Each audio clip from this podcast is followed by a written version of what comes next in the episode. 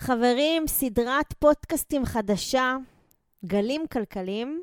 אנחנו הולכים לדבר על מחזוריות כלכלית מתחילים.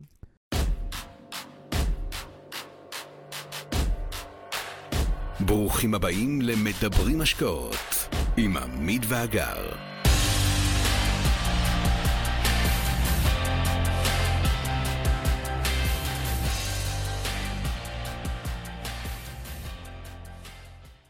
כדי להבין את ההווה, כדאי להציץ מדי פעם אל העבר. לא כי ההיסטוריה חוזרת על עצמה תמיד, העולם היום שונה מכפי שהיה לפני 100, 40 או 20 שנה, וגם לפני שנה. אבל ההתרחשויות שקרו בהחלט משאירות עקבות על העולם הנוכחי כפי שהוא היום, ולכן ניתן ללמוד מהן וממה שהן חוללו. הסדרה הזאת תיגע בהיסטוריה כלכלית, אבל עם חיבור הדוק להווה ולהקשרים שלנו. מחזוריות, אבל מתפתחת, ספירלית, וכזו המתמקדת בהיבטים רלוונטיים לעולם ההשקעות שאנחנו עוסקים בו. נתחיל רגע בהסבר הכללי של המושג מחזור עסקים בכלכלה. מחזור עסקים הוא מונח המתייחס לדפוס חוזר של שינויים כלכליים, תהליכי צמיחה ומיתון, דפוס המאפיין משקים לאורך זמן, לאורך כל שנות ההיסטוריה האנושית. ככלל, מחזור העסקים כולל בדרך כלל ארבעה שלבים. תדמיינו כאן איזושהי תנועה של גל. גאות, שיא, מיתון ושפל. וחוזר חלילה. בשלב הגאות המשק צומח ומתרחב, שיעור התעסוקה עולה ואמון הצרכנים גבוה. שלב זה מתאפיין לעיתים קרובות בייצור, בהשקעות ובצריכה מוגברים. שלב השיא, כשמו כן הוא, הוא הנקודה הגבוהה ביותר במחזור. הפעילות הכלכלית נמצאת בנקודה הגבוהה ביותר, שאחריה הצמיחה מתחילה להאט. השלב הזה מסמן את סופו של שלב הגאות ואת ראשיתו של שלב המיתון או ההתכווצות. בשלב המיתון חלה ירידה בפעילות הכלכלית, בהשקעות ובהוצאות הצרכנים, ומסתמנת עלייה בשיעור האבטלה. שלב השפל מיוצג באמצעות הנקודה הנמוכה ביותר במחזור, סופו של תהליך המיתון ותחילתה של גאות כלכלית. בתחתית הזו לכלכלה לא נותר אלא לעלות. בדרך כלל רמת המחירים בנקודה הזו היא נמוכה, וההוצאה הממשלתית מוגברת במטרה להמריץ את הכלכלה. פרקי הזמן של מחזורי עסקים ועוצמתם על השלבים שלהם משתנים במרחב ובזמן, גם בין המשקים השונים וגם באותו המשק לאורך התקופות. הם מושפעים ממגוון גורמים, לרבות שינויים באמון הצרכנים והמשקיעים, מדיניות הממשלה ותנאי הכלכלה העולמיים. למה חשוב להבין את מחזורי העסקים? גם קובעי המדיניות וגם אנשי עסקים והמשקיעים יכולים להתאים את האסטרטגיות שלהם לשינויים הצפויים בתנאים הכלכליים. על אף שכמובן אין ודאות בעולם ומדובר בהערכות בלבד. כך לדוגמה, בשלב הגאות או התרחבות של מחזור העסקים, כנראה תהיינה יותר השקעות ופעילות עסקית, כאשר הביקוש הצרכני גבוה, או בשלב המיתון או ההתכווצות, החיסכון יהיה דומיננטי יותר, כאשר הביקוש הצרכני נמוך. קובעי מדיניות השתמשו בכלי מדיניות מוניטרית ופיסקלית כדי להמריץ את הכלכלה בשלב ההתכווצות, לרוב עושים את זה על ידי הורדת הריבית, או כדי למנוע התחממות יתר בשלב ההתרחבות, וכאן עושים את זה על ידי העלאת הריבית. בשורה התחתונה, הבנה של החוקיות שעומדת בבסיס המערכות הכלכליות שלנו תעזור לכולם, גם לנו כמשקיעים פרטיים, להתנהל בתוך עולם ההשקעות, גם מנטלית וגם מעשית. נזכיר רק שהמטרה הפיננסית שלנו היא הכנסה פסיבית, או הכנסות פסיביות, כמו שאנחנו אוהבים לומר, ומכאן שמסע הלמידה לא בהכרח כולל פיתוח מומחיות, ועדיין אנחנו צריכים להפנים שהעמקת הלמידה היא חלק מהאקטיביות הנדרשת מאיתנו כדי לייצר את אותן הכנסות פסיביות. מכאן נעבור לנושא המחזורי הראשון המוכר, השחוק והשוחק והחשוב כל כך, האינפלציה.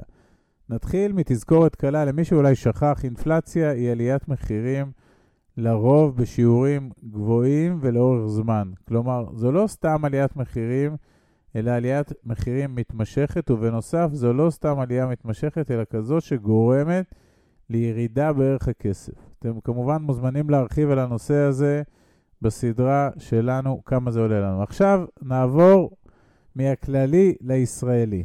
בואו נדבר רגע על האינפלציה בישראל.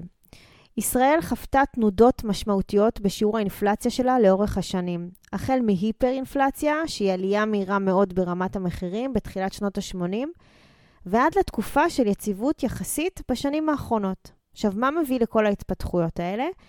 בשנותיה הראשונות, רמת המחירים בישראל הצעירה הייתה נמוכה ויציבה יחסית. בשנות ה-70 היו סדרה של זעזועים חיצוניים, כולל משבר הנפט למשל, שהביא לעלייה מהירה באינפלציה, כך שבתחילת שנות ה-80 המחירים עלו ביותר מ-20% בחודש. אני זוכר את זה. ממשלת ישראל נקטה אז במדיניות ייצוב כדי להילחם בעלייה המהירה הזו, לרבות באמצעות הפחתה חדה בהוצאות הממשלה ופיחות משמעותי במטבע הישראלי. אז, אה, מי שלא זוכר, עברו מלירה לשקל, ואחרי תקופה מאוד קצרה עברו משקל לשקל חדש, היו פה זעזועים. המהלכים האלה הצליחו להוריד את שיעור האינפלציה, שהגיע עד לכדי 450 אחוז בשנה. הורידו את זה למספרים חד-ספרתיים, אולם היא נותרה בעיה מתמשכת במשק הישראלי לאורך שנות ה-90 ותחילת שנות ה-2000. השנים הללו התאפיינו בין היתר בזרם של עולים רבים מברית המועצות לשעבר, שהגדיל את ההוצאות הממשלתיות והגביר את הביקוש לסחורות ולשירותים, וכך נוצרו גירעונות תקציביים שהממשלות הישראליות התמודדו עימן. כל אלה והתפתחויות נוספות, התפתחויות מקרו-כלכליות, תרמו ללחצים אינפל... אינפלציוניים. תגובת הנגד הממשלתית הייתה שורה של רפורמות מבניות שנועדו להגביר את התחרות, לצמצם את מעורבות המדינה ולשפר את יעילות המשק. עד אמצע שנות האלפיים ירד שיעור האינפלציה לפחות מ-2% בשנה. הרפורמות הללו והמחויבות המתמשכת של ממשלות ישראל למדיניות פיסקלית אחראית הן מהגורמים המרכזיים לרמת המחירים היציבה והנמוכה יחסית בישראל. שיעור האינפלציה נע סביב 1 עד 2 בשנה בשנים האחרונות עד השנה האחרונה. כמובן שהמשק הישראלי לא מנותק מן העולם ומההתפתחויות המתרחשות בו, וכמובן שלא שכחנו את הקורונה ואת הסערות שהיא חוללה גם במערכות הכלכליות השונות, גם אצלנו וגם ביצירת סביבת מחירים גבוהה. בשנת 2022 נרשם שיעור שיא בין שני עשורים ברמת האינפלציה השנתית בישראל, והיא עמדה על 5.3% אינפלציה שנתית. נכון למאי 2023, שזה המועד שבו אנחנו מקליטים את הפודקאסט הזה, נראה שהקצב השנתי הגבוה נשמר, אנחנו כרגע עומדים על 5%, בדומה למתרחש למשל במשק האמריקאי, למרות שבאמריקאי כבר יש מגמה של ירידה באינפלציה בחודשים האחרונים. אולם עם זאת, יש גם סימני האטה ברמת האינפלציה. אצלנו גם התחזיות מגוונות, קצב האירועים המשפיעים גבוה והמחזוריות לעולם לעולם נשארת. אז מה ראינו במבט על על רמות המחירים בישראל? ראינו את הגלים ואת התנועתיות המחזורית המאפיינת את המערכות הכלכליות. אמנם לא בעוצמות קבועות, לא עם מספרים נומינליים זהים בנקודות השיא והשפל, ועם מגמה כלכלית של צמיחה ושיפור, אבל כן ראינו מחזוריות. וכשמבינים את זה, גם מצליחים לשמור על אופטימיות שכל כך חשובה בכלכלה, כי ציפיות חיוביות זה חצי מהדרך לצמיחה, וגם מעמיקים ומפתחים את החשיבה הכלכלית.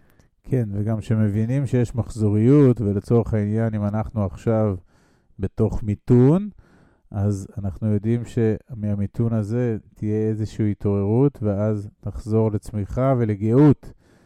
ולכן כמשקיעים, אנחנו פחות מתרגשים מהמיתון, נהפוך הוא, אנחנו מבינים שהמיתון מייצר הזדמנויות השקעה, כי המחירים זולים ביחס למה שהם יהיו כשהכול יהיה פה פורח ומלבלב, וזה נתון מאוד מאוד חשוב. אחד, להבין שהמחזוריות הזאת גם תביא לעלייה, ושתיים, להבין שההווה הוא רק הווה, והעתיד ישנה אותו. אז נתראה בפרק הבא של הסדרה שלנו שיעסוק בכיוון ובביטוי אחר של המחזוריות הכלכלית שכולנו מכירים. עד כאן להפעם. כרגיל, שמחנו לשתף בידע ובניסיון שלנו, מקווים שנתרמתם. מי שממש רוצה להכיר ולהיחשף להזדמנויות ההשקעה בהן אנחנו משקיעים, מוזמן לאתר שלנו, תוכלו למצוא הכל שם. אנחנו כמובן גם פעילים בכל הרשתות החברתיות, מוזמנים לעקוב אחרינו. אם אתם מכירים אנשים נוספים שהתכנים שלנו יכולים לסייע להם, נודה לכם מאוד אם תשתפו אותם. להתראות חברים.